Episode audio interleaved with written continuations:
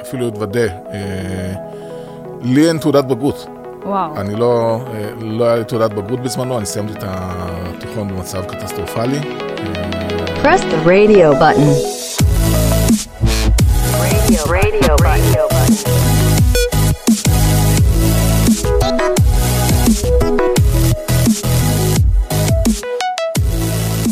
היי, אתם על רדיו בטן, אני יהודית אשר. היום אנחנו נדבר על איך uh, הכישלונות שלנו בחיים גורמים לנו בסופו של דבר להגיע להצלחות הכי טובות שלנו. Uh, נשמע מעודד על תהליכי עבודה בסימילר ווב, uh, על תהליכי גיוס, וגם נדון בנושא הכי חם היום, תואר כן או לא. אז בשביל כל זה נמצא איתנו היום עודד בביוף. היי, היי! עודד הוא VP Design בסימילר ווב, ומנהל צוות עיצוב של מעצבים מסוגים שונים, אז זה ממש מעניין. אה, רק לפני שנתחיל, אני רוצה להודות לגוגל אה, על זה שהם מאפשרים לי להקליט כאן. אה, אנחנו מקליטים עכשיו מ Google for Startups Campus, הבית של גוגל לסטארט-אפים. הקמפוס נותן לסטארט-אפים הזדמנות לקבל גישה למוצרי גוגל, חיבורים לתעשייה וי- וידע בנוסף תוכניות ואירועים לסטארט-אפים. אנחנו נמצאים כרגע בקריאייטר סטודיו, אולפן וידאו ואודיו מקצועי שזמין לסטארט-אפים בחינם. לעוד מידע ייכנסו לאתר שלהם. אה, היי עודד, איזה כיף שאתה כאן איתנו היום. היי יהודית, נעים, נעים מאוד, כיף להיות כאן. אז uh, אמרנו שנדבר באמת על uh, איך כישלונות הופכים בסופו של דבר להיות ההצלחות שלנו. Uh, נתחיל uh, מהכישלון הראשון שלך, זה נשמע לא טוב. אני חושב שזה כישלון מתמשך. כישלון מתמשך, אני חושב שגם ב... זה לא, לא רק אולי ללמוד מלהפוך אה, כישלונות להצלחות, אלא גם להבין שלפעמים משהו שנראה כמו כישלון הוא, הוא בכלל לא כישלון, הוא בעצמו הצלחה, זה תלוי כמה, איך אתה שופט את עצמך ואיך אתה מסתכל על הדברים. אה, אני אתן קצת רקע, אני כאילו הגעתי, אני באר שבעי במקור, אה, תמיד היה לי את הנטייה לדיזיין, היום שמסתכלים על זה אחורה, על כל הקשקושים על הקירות ועל התיקים וכל הדברים האלה, תמיד היה אה, רצון לעשות משהו ויזואלי. אה, עוד לפני שהבנתי את זה ולפני שהערכתי את זה בכלל. אה, במהלך השנים, בסופו של דבר הגעתי, מצאתי עצמי בשנקר עם עוד כמה חברים שגם הגיעו מאותה עיר. למדנו ביחד תקשורת חזותית. והתקדמנו למסלול למדיה ואינטראקטיב בשנקר. אה, זאת הייתה חוויה ממש ממש טובה בשבילי, כי זאת הייתה חוויה שבעצם מסבירה לי מה, במה אני טוב. אה, אני חושב שמקומות אחרים, כשהייתי נגיד בבית ספר אה, תיכון, התחושה שלי שאני לא טוב בשום דבר, ולא משנה כמה אני אתאמץ, אני לא אצליח, ופה זאת הייתה ההזדמנות הראשונה שלי, שבה הרגשתי שאני יודע לעשות משהו טוב. באמת לראות, לשים אותך באמת קבוצה של עוד אנשים, שגם הם נבחרו בקפידה, גם הם אנשים טובים במה שהם עושים, עברו תהליך סינון. זהו, באמת, אה, כנראה, אם אתה אומר כזה שכשפחות האמנת בעצמך, אז כנראה כזה, זה היה בשבילך איזשהו ביטחון אה, ראשוני שבכלל התקבלת לשנקר. כן, אני, אני אפילו אתוודה, אה, לי אין תעודת בגרות. וואו. אני לא, אה, לא היה לי תעודת בגרות בזמנו, אני סיימתי את התיכון במצב קטסטרופלי. אה, אבל יש לי ידידה קרובה, אה, אפשר להזכיר שמות? בשם פילו פילוסוף, שעודדה אותי ואמרה לי, לך תנסה להתקבל, שנקר איזה שאומרים, מדהים. 2 אחוז, אה, 2 אחוז מהאנשים שיכולים להתקבל לשנקר ללא תעודת בגרות. אה, לא האמנתי שאני יכול לעשות את זה, אבל נדחפתי לזה וניסיתי. כמו שאומרים בצלאל, תעיז, תתקבל היום את הקמפיין הזה. אה, אז העזתי, אה, התקבלתי, אה, הופתעתי בעצמי, זה היה מאוד אה, מפתיע, אה, אבל זה היה שווה את זה. התחלנו בעצם, התחלתי את המסלול של הלימודים שם. אה, אני חושב שבשנה הראשונה הגעתי עם הרבה מאוד ביטחון, כי בעיצוב גרפי, אני חייב לומר, עסקתי עוד לפני. כלומר, היה לי עוד בבאר שבע איזשהו סטודיו קטן, הייתי עושה עבודה בעיקר לכל מה שקשור לחיי לילה, ברים, מועדונים, תפריטים למסעדות, דברים מהסוג הזה. אה, ופתאום כאילו ממישהו קצת יותר מוכר באר שבע, הגעתי לעיר הגדולה, שכאילו אף אחד לא מכיר אותי בכלל, אבל עדיין הגעתי קצת עם אה, יותר מדי ביטחון עצמי. אמרתי, אוקיי, אני מכיר, מדברים איתי על טיפוגרפיה, מדברים איתי על כל הדברים שקשורים לעיצוב, אני אומר, אני כבר, אני כבר עשיתי את זה, אני מכיר. אני חושב שלקח לי זמן להבין אה, שיש לי הרבה מה ללמוד. אה, וגם אחרי זה דיברתי עם האנשים שקיבלו אותי, שהייתי בוועד, ב, היו בוועדת קבלה, הם, היה להם חשש, האם שווה להביא לי מישהו שלא יודע, לא משנה אם הוא טוב או לא, שיש לו קנבס ריק, כדי שהוא בעצם יהיה לו מקום ללמוד, יותר קשה מאשר לאפס מישהו שכבר חושב שהוא יודע הרבה אני מאוד דברים. מסכימה עם זה, מסכימה עם זה, גם הרבה, הרבה מגייסים יגידו את זה, שנגיד אם יש כאלה שעושים את המעבר מפרינט אה, ל-UI UX, או לקחת סטודנט שעכשיו סיים. אז אה, יש כאן גם את השיקול הזה, כי סטודנט שעכשיו סיים, אני יכולה להגיד את זה אפילו מהמקום שלי. אה, אני אומרת, אוקיי, הוא יודע שהוא מגיע בלי, בלי ידע, ובעצם אני מתכנתת אותו לפי הצורת עבודה שלנו. חומר יותר גמיש. כן, לעומת זו מישהו שהיה ארט דירקטור במשרד פרסום, זה קצת יותר אה, בעייתי. לגמרי, זה גם קשור בהקש- בהקשרים של יכולות ניהוליות. יותר קשה לנהל מישהו שכבר יש לו את הרקע ואולי אפילו הוא ניהל, בעצמו, מאשר מישהו שמגיע בעמדה, אה, ב-entry level. כן. ואני חושב שזה גם אחד הדברים שיצא לדבר על זה לאחרונה, הנושא של, אה, יש את הקבוצת מעצבים מלאים ומתנסים. מעצבים מלאים ומתנסים זה out. זה כבר לא מה שמקבלים אותו היום. אנחנו בסופו של דבר מבלים את הזמן שאנחנו, אה, שלנו בעבודה יותר מאנשים, של, משפחה שלנו, לפחות אני יותר נכון. משפחה שלי. כן. רוצים לעבוד עם אנשים שאתה יכול לסמוך עליהם, שכיף לעבוד איתם. שהדיון הוא ענייני. אף אחד, אנחנו לא כן. נזירים, אז זה- זה לא אומר שאין אגו, אבל... זה גם את טיפ למינימום. אה, כשמגיעים לראיונות עבודה, אז תמיד פחות נחמד אה, לראות מעצב שמגיע לראיון עבודה והוא מתנשא. כן, וזה זה תפר דק, כי כן אני מחפש לעבוד עם אנשים שיש להם ביטחון. כן. כלומר, אני חושב שאם בראיונות אני מחפש בעצם שתי דברים. מישהו שיודע על מה הוא מדבר, ומישהו שאומר את זה בביטחון. אז כבר אנחנו נגיע גם לדבר על, ה- על סימילר ווב ועל אה, על תהליך הגיוס אצלך. אה, אני רוצה שנחזור לדבר על, על, בעצם על התהליך שלך, אז התחלת, למדת בשנקר, אה, מה היה השלב הבא שלך אחרי? אה, למדתי בשנקר, היה תקופה קצרה אחרי הלימודים שטסתי לחו"ל, אה, עבדתי בסטודיו של נביל ברודי, ריסרט סטודיו, יפה. אה, היה שם ממש מעניין, למדתי מעט, למדתי הרבה בזמן מועט, אחרי זה חזרתי לארץ, עבדתי פה בעוד איזשהו סטארט-אפ, ואחד מהחברים שעמדתי בשנקר בשם רן להב, שהוא גם מעצב אינטראקטיב, הוא בעצם הציע שבעצם נתאחד ביחד, אני ועוד, הוא ועוד חבר נוסף שנקרא יונתן בן כנען, ונחלוק חלל ביחד משותף, כמו שעושים, לא יודע, עורכי דין, רופאי שיניים.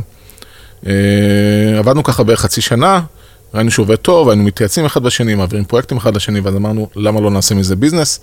הקמנו את מתנ"ס אינטראקטיב אה, בדרום תל אביב, אה, שפעל חמש שנים, היה בו כעשרה עובדים, וזאת כמה תקופה, תקופה מדהימה, זה היה איפשהו בין קומונה לסטודיו. אה, יש שם הרבה מאוד קשרים בכל מה שקשור ב... בלהיות עצמאי, בלהיות מנהל של עסק, אה, בין, אה, אני חושב שאחד הדברים שאמרו לי פעם ששנה ב' בלימודים היא שנה מאוד מאוד קשה, כי זו שנה שיש בה הכי הרבה פער בין הרצון ליכולת. כן. ואני חושב שגם במתנ"ס היה הרבה- לנו הרבה פערים בין הרצון ליכולת. האמת שאני חושבת שזה בכל מקום עבודה. יש, גם לי יש הרבה פערים בין הרצון אבל אני חושב ליכולת. שככל שיש לך יותר ניסיון, כן. ככל שאתה בשלב יותר מאוחר בדרך, אתה יודע להתאים את, ה, את הרצונות שלך למה שאפשר. אתה יודע לתכנן, לתכנן אה, בהתאם. MVP וכל, אה, כן. לנהל את העבודה בהתאם ליכולות פשוט. כן. אז היית, היית במתנ"ס, כן. אה, זה היה לכם מתנ"ס, ואז בעצם אחרי חמש שנים סגרת? סגרת. אחרי חמש אה, שנים, אני חושב שגם היה עייפות החומר, העבודה כאילו מאוד מאוד אינטנסיבית, מאוד מאוד קשה. אני חושב שהתעשייה מאוד מאוד גדלה בארץ, היה צורך, לא, לא תכננו לזה, אבל היה צורך באנשים בעלי רקע ניהולי. בתחום אה, העיצוב. בתחום העיצוב. וזה לא היה איזשהו מסלול שתכננו, אבל זה פשוט מה שקרה, וכל מיני חבר- חברות אחרות התחילו, אה, היה לנו פניות ממקומות שונים. התחלנו לשקול אותם ברצינות, היה לנו כל מיני משברים בינינו לבין עצמנו, כל מיני קשיים, אמרנו אוקיי, אה, יאללה, בואו נעשה את זה, סגרנו את הבסטה, מתי שכבר החלטנו וידענו שזה This is the end, אחת האמירות שאמרתי, אמרתי, השוק כל כך מוצף בעבודה, ש... ואני מכיר את האנשים, מכיר את התעשייה, אם אני ארצה לעבוד איפשהו, אין לי ספק שאני אוכל למצוא עבודה מחר בבוקר. זה הדבר אה, שהוא ממש נכון, כי מבחינת המצב של התעשייה, היה הרבה מאוד ביקוש. מה שאני לא לקחתי בחשבון, שיש את הסטנדרטים שלי, של מה אני מחפש, לא רק מה התעשייה צריכה, ובפועל לקח לי למצוא עבודה שנתיים. כלומר, בשנתיים... שנתיים לקח לך למצוא עבודה? לא עבודה אחת, הייתי? בשנתיים הייתי במספר מקומות עבודה אה, שונים. אז רגע, בוא אבל לא נדבר באמת על זה. מצאתי בית, לא באמת מצאתי מקום שאני מרגיש שם בנוח, מקום שאני מאמין בו ומחובר אליו ויכול להיות דדיקייטד. אז בוא נדבר על זה שנייה. סגרת אותם, אה, סגר, סגרתם את מתנ"ס, וישר כשסגרת כבר היה לך חודש אחר כך, כבר התחלת לעבוד במקום. משהו כזה, אני לא זוכר בדיוק אה, אם זה חודש או יותר, אבל כן, התחלתי לעבוד אה, אה, בסטודיו שנקרא לוליאן, אה, עם אורי יער. אז אה, רגע, היית, אז במשך שנתיים, אתה בעצם, אה, אה, היית בכמה מקומות עבודה הספקת לעבור במשך שנתיים? שש, וואו, לעבור שש עבודות במשך שנתיים, זה, זה, זה מטורף גם מבחינה אישית, נראה לי, אני מנסה לחשוב על עצמי, זה הרבה הרבה כאילו מעברים ואולי טראומות. אה, אני חושב שזה זה עניין של סטנדרט, בסופו של דבר אתה אומר לעצמך, יש דברים שאני לא מוכן להתפשר עליהם. אוקיי. ודברים שלא היה לי את הכלים, אני לא יודע אפילו אם יש את הכלים היום, לבדוק אותם לפני שמתחילים. כי זה בסופו של דבר זה לא רק העניין המקצועי, זה לא העניין המוצרי שעובדים עליו, זה העניין של האנשים שעובדים איתם. ואנשים בשלב הראיון והפגישות הראשונות זה יכול להיות מאוד מאוד טוב, אה, ואני חושב שזה, אני יכול להתחבר לכל מוצר. שאין לי בעיה אידיאולוגית אולי לעשות אותו. אני יכול להתחבר לכל מוצר, וגם מה שלא מעניין אותי בכותרת שלו יכול להיות מאוד מעניין בפועל. אה, כמו שאני יכול לתאר שבמתנ"ס, גם עבודה של לייצר הצעות מחיר, או לעשות עבודה שהיא יותר עבודה טכנית, זה היה משהו שמאוד מעניין אותי וכיף לי, כי זה היה שלי. הייתי מחובר לאנשים, הייתי מחובר לצוות. אה, במקומות אחרים שעבדתי בהם, לקח לי זמן למצוא את האנשים שאני יכול להאמין בהם. אני חושב שהרבה מאוד מקומות מעידים מעצמם, אומרים, יש לנו אחלה אנשים, אחלה אנשים, כולם מציגים את זה ככה. אבל uh, לי לקח למצוא זמן את האנשים שאני יכול להתחבר אליהם, לעבוד איתם, ולהרגיש שהשיחות הן עם level נמוך של אגו ויותר עשייה ופחות פחות מה שמסביב. אז אחרי שנתיים של חיפושים, אה, עברת לסימילר ווב? כן, אני חושב שהגעתי לסימילר ווב, הייתה לי, הוזמנתי לפגישה על ידי uh, נדב ברקן, שכבר עבד שם, uh, שהוא מעצב מדהים. Uh, הייתי מאוד סקפטי, כי כבר הייתי כזה במצב של כל מיני דברים שעבדו ולא עבדו. דרך, דרך אגב, העבודה שהייתה לפני, היא הייתה בסטארט-אפ שגם שם, דווקא מצאתי את עצמי, היה ממש ממש טוב, אבל הוא נסגר, איך שסטארט-אפים נסגרים. Uh, פגשתי שם את uh, בנג'מין סחור, שהוא ה-CPO של החברה, היה ועדיין uh, נמצא שם. ושוב פעם, חיבור ברמה אישית, ברמה פרסונלית היה מאוד מאוד טוב. האמנו אחד לשני, מה שנקרא, במבט ראשון, פחות או יותר. אז מה הדבר בעצם שלך הכי הכי חשוב במקום עבודה, לפני שאתה בכלל אה, נכנס אליו? אני חושב שקודם כל שייתנו לך, יאמינו בך. אני חושב שמאוד אהבתי במקום העבודה הנוכחי, בסימילר ווב, זו תחושה של החופש. אה, מצפים ממך שתיזום דברים. כלומר, לא באים אליך עם איזה to-do list, אלא רוצים לראות איך אתה מתפקד בתוך הסביבה הזאת. אה, אני מאוד אוהב את זה. אני חושב שכאילו בימים הראשונים שהייתי שם, באו, אמרו לי, זה המחשב שלך, זה השולחן שלך, בהצלחה, ואז אתה מתחיל כאילו ליזום פגישות עם אנשים, לקרוא, ללמוד. אה, זה משהו שהיה לי מאוד מאוד כיף. הנושא של גם ה- ה- ה- להרגיש את האימפקט שלך על המערכת, לעשות דברים שמצליחים להזיז את המחט, זה דבר שהוא מאוד מאוד חשוב.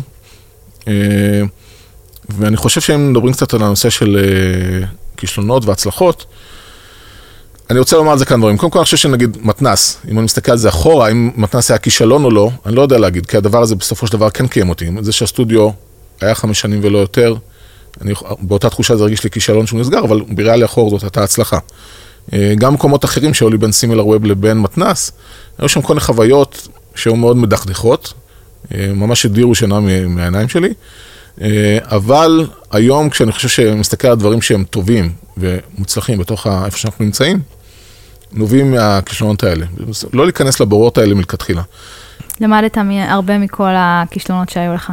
כן, אני חושב שזה... ב- זה לא, האמת שאני לא, לא חושבת שזה כישלונות אה, ספציפיים שלך, אני חושבת שכולנו אה, באיזשהו מקום אה, נכשלים הרבה, כולנו בני אדם וכולנו נכשלים הרבה מאוד. כן, יש לנו את כל הנושא של כל ה-fail nights, או כל הדברים האלה, היום זה גם הפך להיות משהו כאילו מאוד מגניב, להיחס- להיכשל ול- ולהתגאות בזה.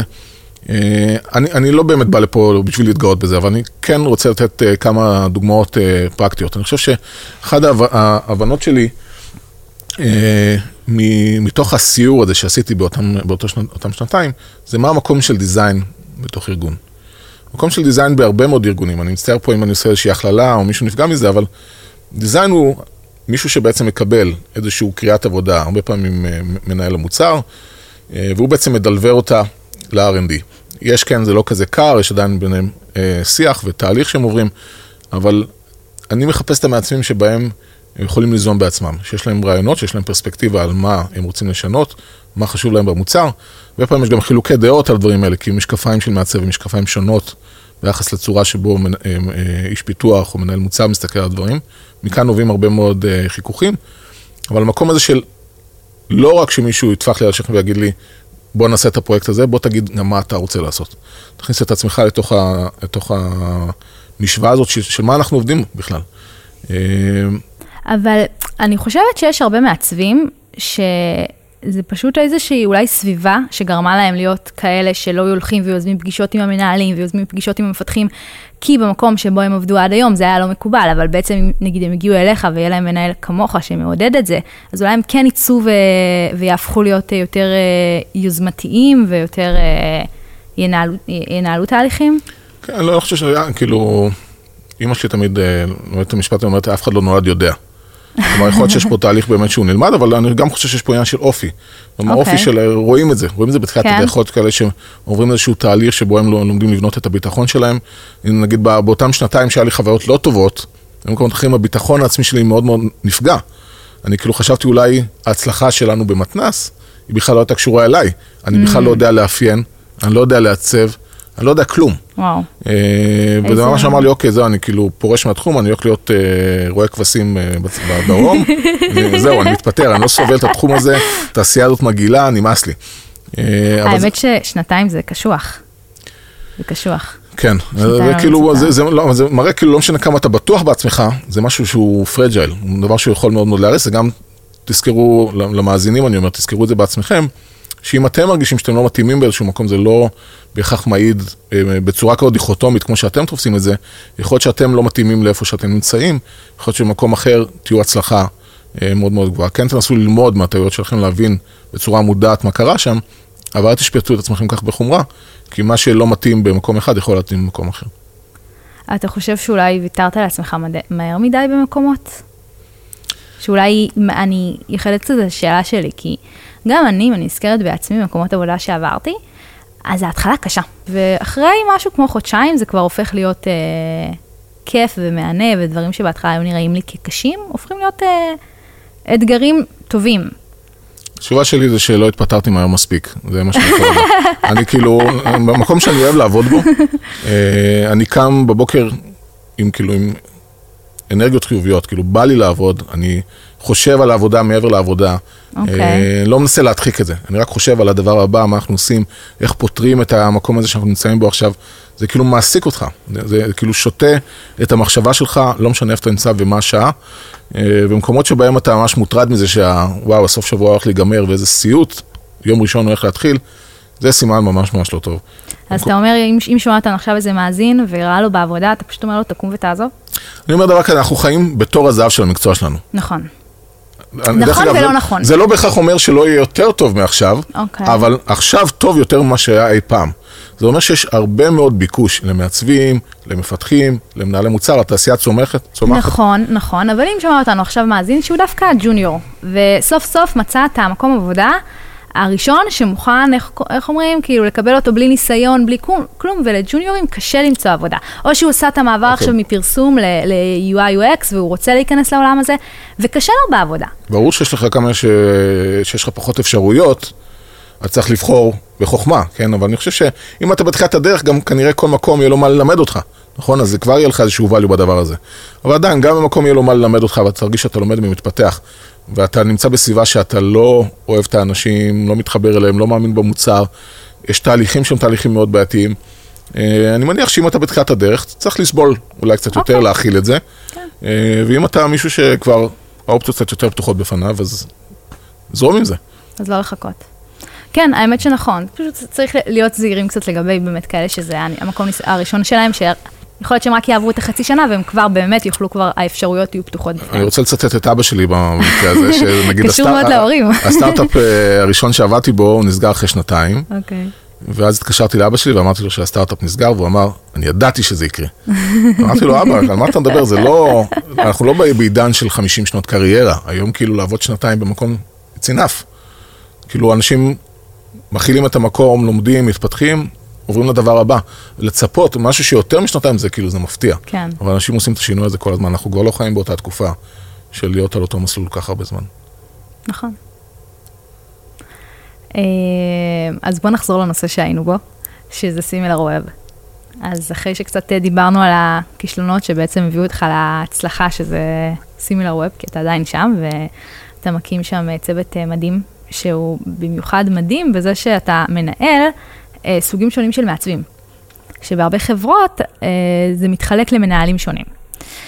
אה, אז בוא באמת תספר לנו קצת על, ה, על הצורת ניהול של הצוות שלך, איך הקמת אותו, איך בעצם יזמת אותו מזה שהגעת ביום הראשון וסיפרת שהביאו לך לפטופ ובוא תתחיל.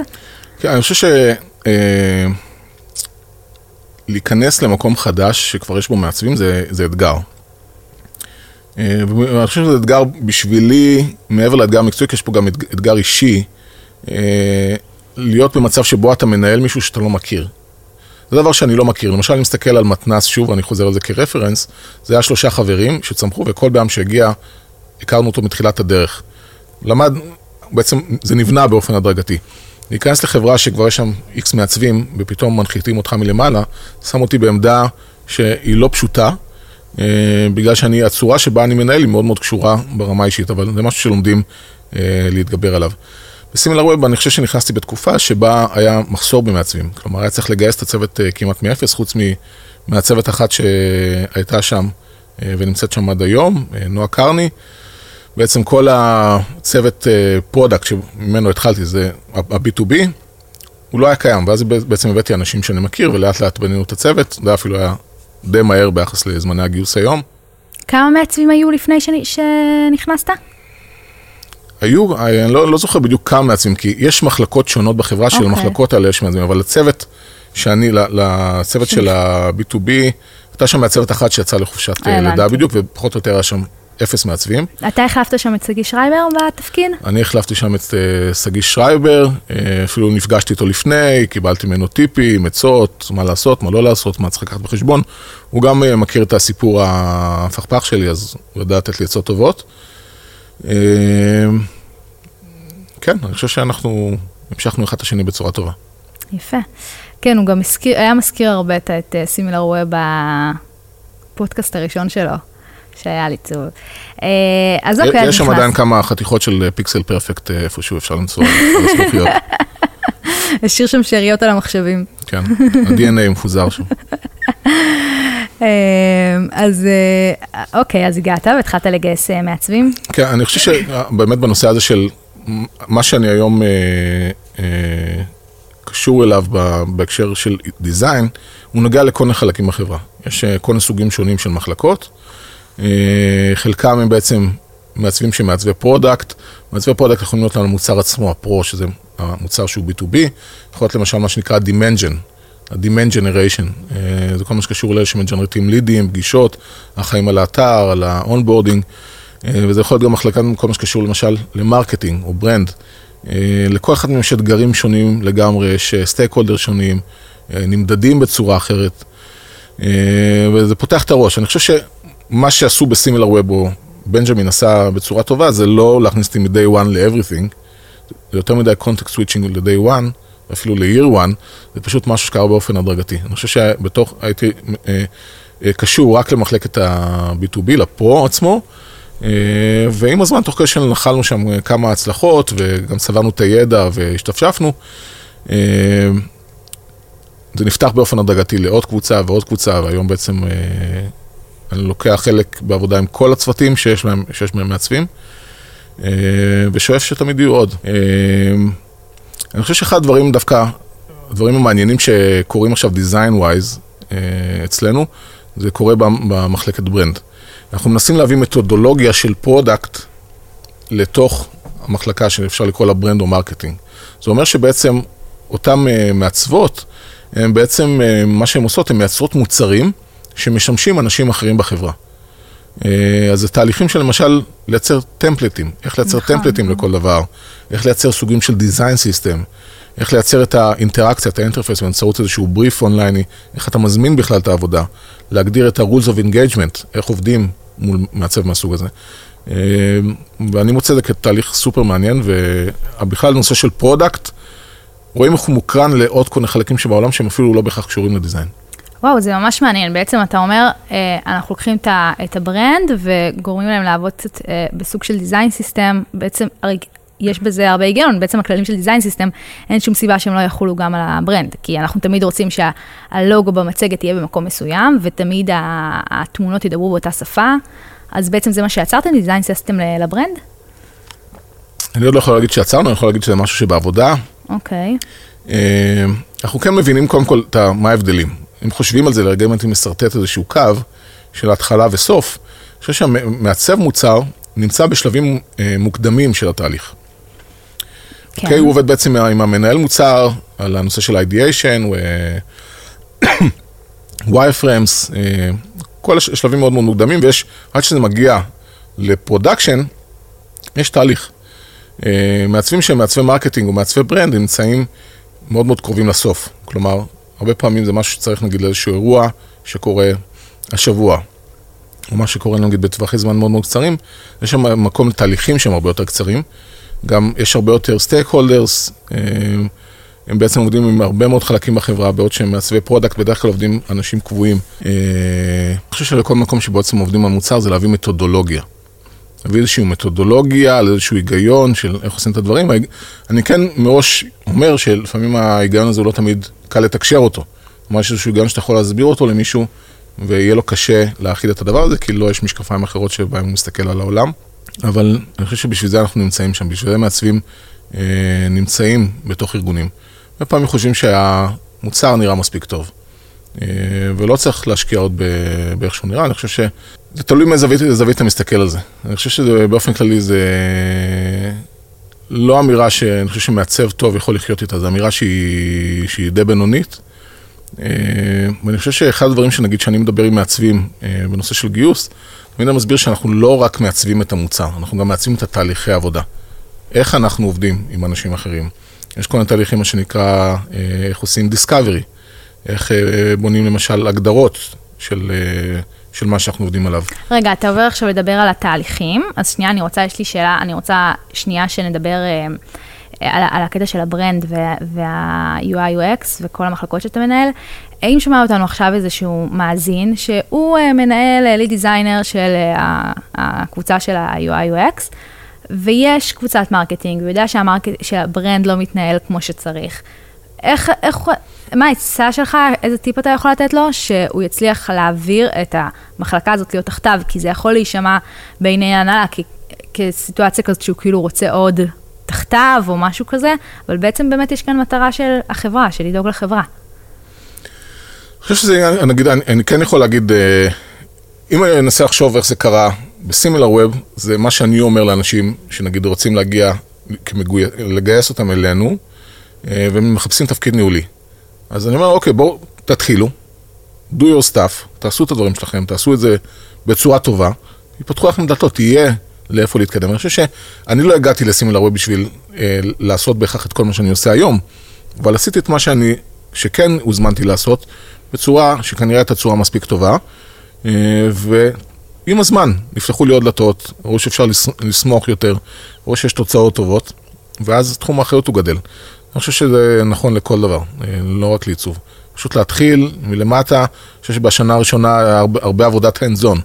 אה, לעצב בפועל, לפתוח את הסקאץ', פשוט לעשות דברים, לשבת עם מפתחים, לעשות דיסקאברי, אני חושב שעד היום אני זוכר את זה כתקופה ממש טובה, היום זה משהו שאני לא מספיק לעשות, אני מודה, אני כאילו, אני, אני גם, אני מרגיש שבאיזשהו מקום גם בשביל לקשור את, המ, את המעצבים שאתה עובד איתם אליך, בשביל לייצר trust, אם אתה עובד עם מעצבים בתור מישהו שהוא בכובע של מעצב או מנהל עיצוב, ואתה לא מעצב בעצמך, אתה פוגע באמינות שלך.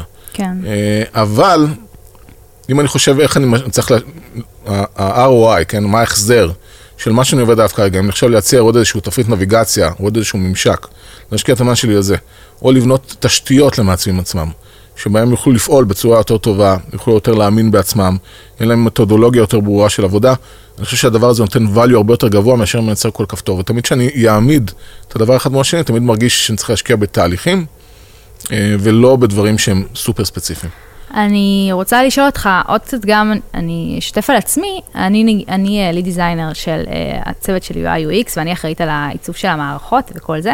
עכשיו, אני יכולה באמת לקחת ממך את הטיפ וללכת ולהחליט שאני לוקחת על עצמי גם את ה brand וממש ישמחו, כי אין עכשיו מישהו ספציפי שעושה את זה, אבל זה ילך ישירות על ה product ואני לא יכולה להרשות את זה לעצמי. זאת אומרת שיבוא אחד לחשבון השני. כן, איך זה יקרה אחרת? זה חייב להיות איזושהי החלטה אה, אה, מההנהלה.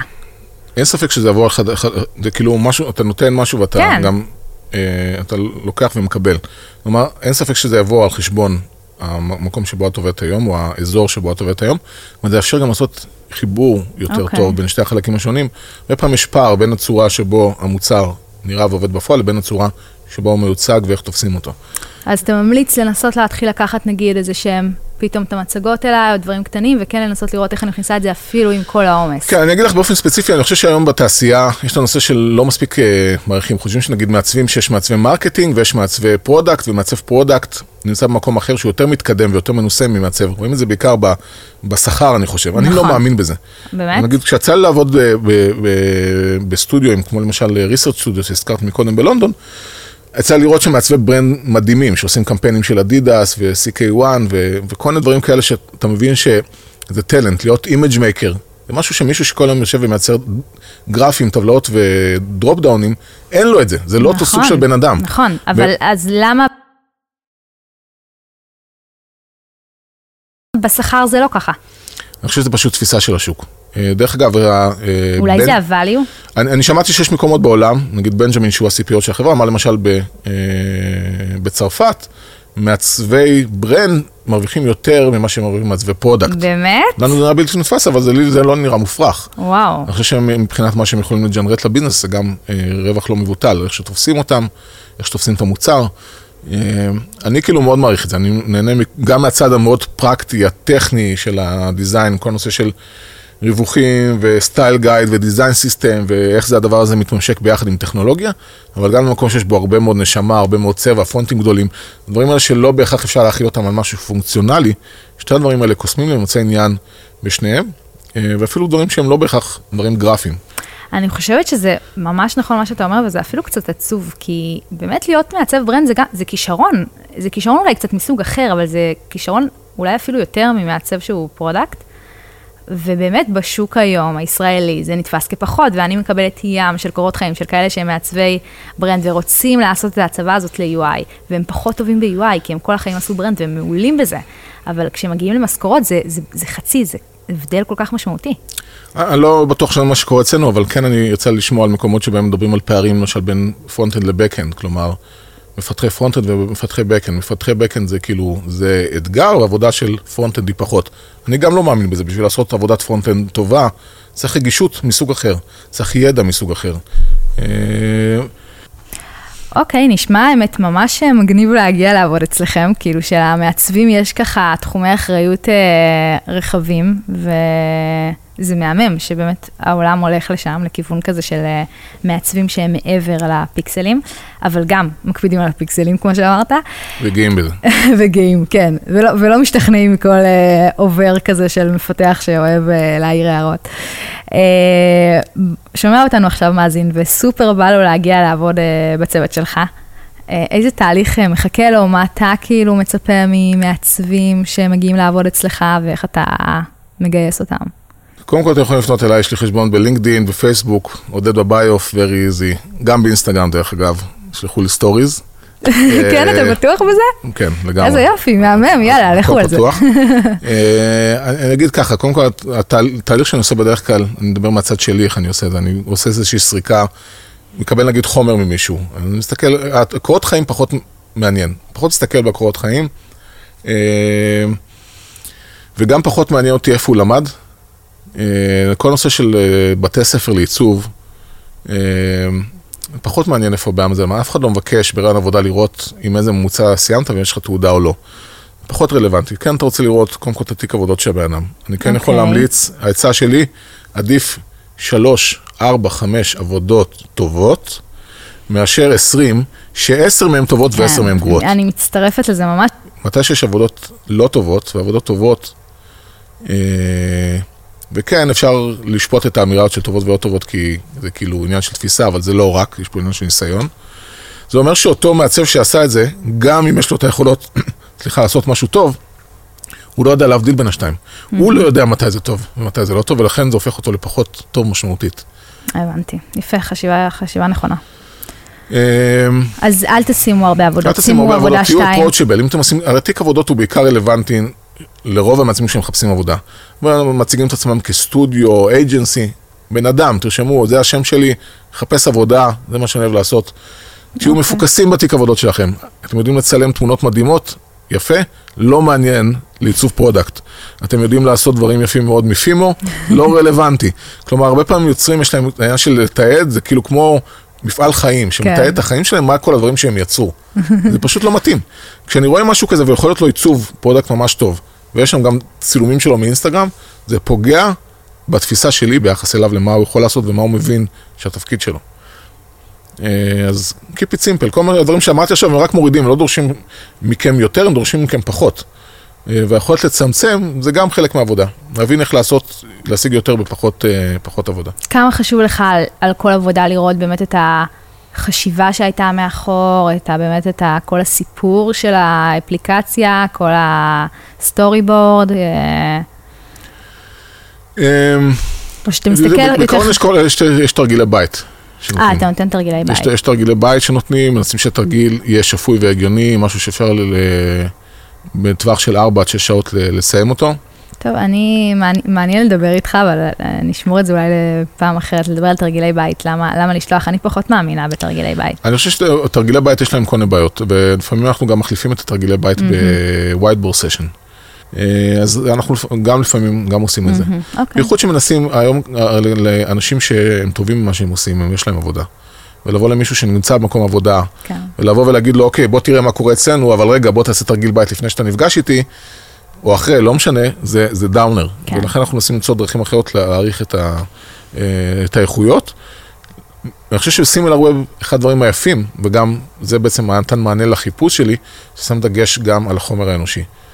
כולם יגידו, אוקיי, זה ברור, זה כאילו כן. מאוד HR י, אבל בסופו של דבר, אנשים שאתה, שאתה עובד איתם, מחפשים אנשים שיש להם ראש על הכתפיים, אה, שיודעים להוביל תהליכים, שיודעים להקשיב, שהם team player, שיודעים לעבוד בסביבה עם אנשים אחרים. מישהו שהוא יכול להיות טלנט, ואני יודע שאנשים כאלה לא שרדו, אנשים שהם טלנטים, אבל לא ידעו לתפקד בסביבה אה, עם עוד אנשים אחרים, אה, לא מחזיקים מעמד. טוב, חשוב מאוד, אז יאללה, ת, תתחילו להפציץ את אה, עודד בפייסבוק, שהוא יתחרט על זה שהוא הציע. דברו איתי בפרטי. אה, אני כזה רוצה לשתף אותך מהמקום שלי היום שאני מגייסת, אז אה, אני כבר אה, למדתי להבין שאין כללים, כלומר, אני יכולה לקבל תיק עבודות, שאני דבר ראשון מסתכלת על תיק עבודות, לא מסתכלת על הקורות חיים, כמו שאמרת, אז אה, אני יכולה להתלהב מהתיק עבודות, ואז אני רואה שזה בעצם סטודנט שעכשיו סיים את הלימודים, ואני יכולה לפעמים. להזדעזע מהתיק עבודות, ואני רואה שזה בעצם אה, מישהו עם, לא יודעת, עשר שנים של ניסיון. אמ, אני רואה כאלה עם תואר, בלי תואר, כבר מרגיש שאין כללים מסוימים למי הוא, מה, איך, איך מזהים את המעצב הנכון, או הטוב בשבילנו. אמ, מעניין אותי לשאול אותך את זה דווקא מהמקום שלך, אה, אתה מרצה בשנקר. כן. אה, איך אתה מסתכל על כל הלימודים, על, ה- על תואר, אה, מה לדעתך אפשר לשפר? אוקיי, אני- אז שוב פעם, בתחילת השיחה דיברנו קצת על ה... כשאני הייתי סטודנט בשנקר, אז מבחינתי זה היה וונדר. זה היה כזה מקום להוכיח את עצמי, ואני רוצה להצליח, ואני נמצא בסביבה של מעצבים, וזהו, אין יותר תירוצים, זה הדבר. אה, הרגשתי מאוד גאה לקחת חלק בדבר הזה. אני חושב שהיום, אה, בוא, אומרים שנגיד בתקופת חיים של בן אדם יש הרבה יותר מהפכות ממה שהיה פעם, כמה דברים משתנים. אני חושב שגם הנושא של הלימודים, נגיד לימודי תואר שיכולים להיות בדרך כלל לימודי עיצוב הם ארבע שנים, לימודי תואר, אה, זה משהו מאוד מאוד בעייתי, בגלל שהתחום משתנה. אני חושב שמתי שאני סיימתי לימודים ב-2007, אה, כשסיימתי פיזית את הלימודים, עדיין האייפון לא יצא, הוא יצא. בסוף השנה. פייסבוק עדיין היה משהו שלא מוכר. אה, וזה דברים שעשו מהפכה לתחום, לתפיסה בכלל של מה אפשר לעשות, לאיפה השוק הולך, מה אנשים צריכים, וזה הפך את הכל. אבל אני יכול להגיד,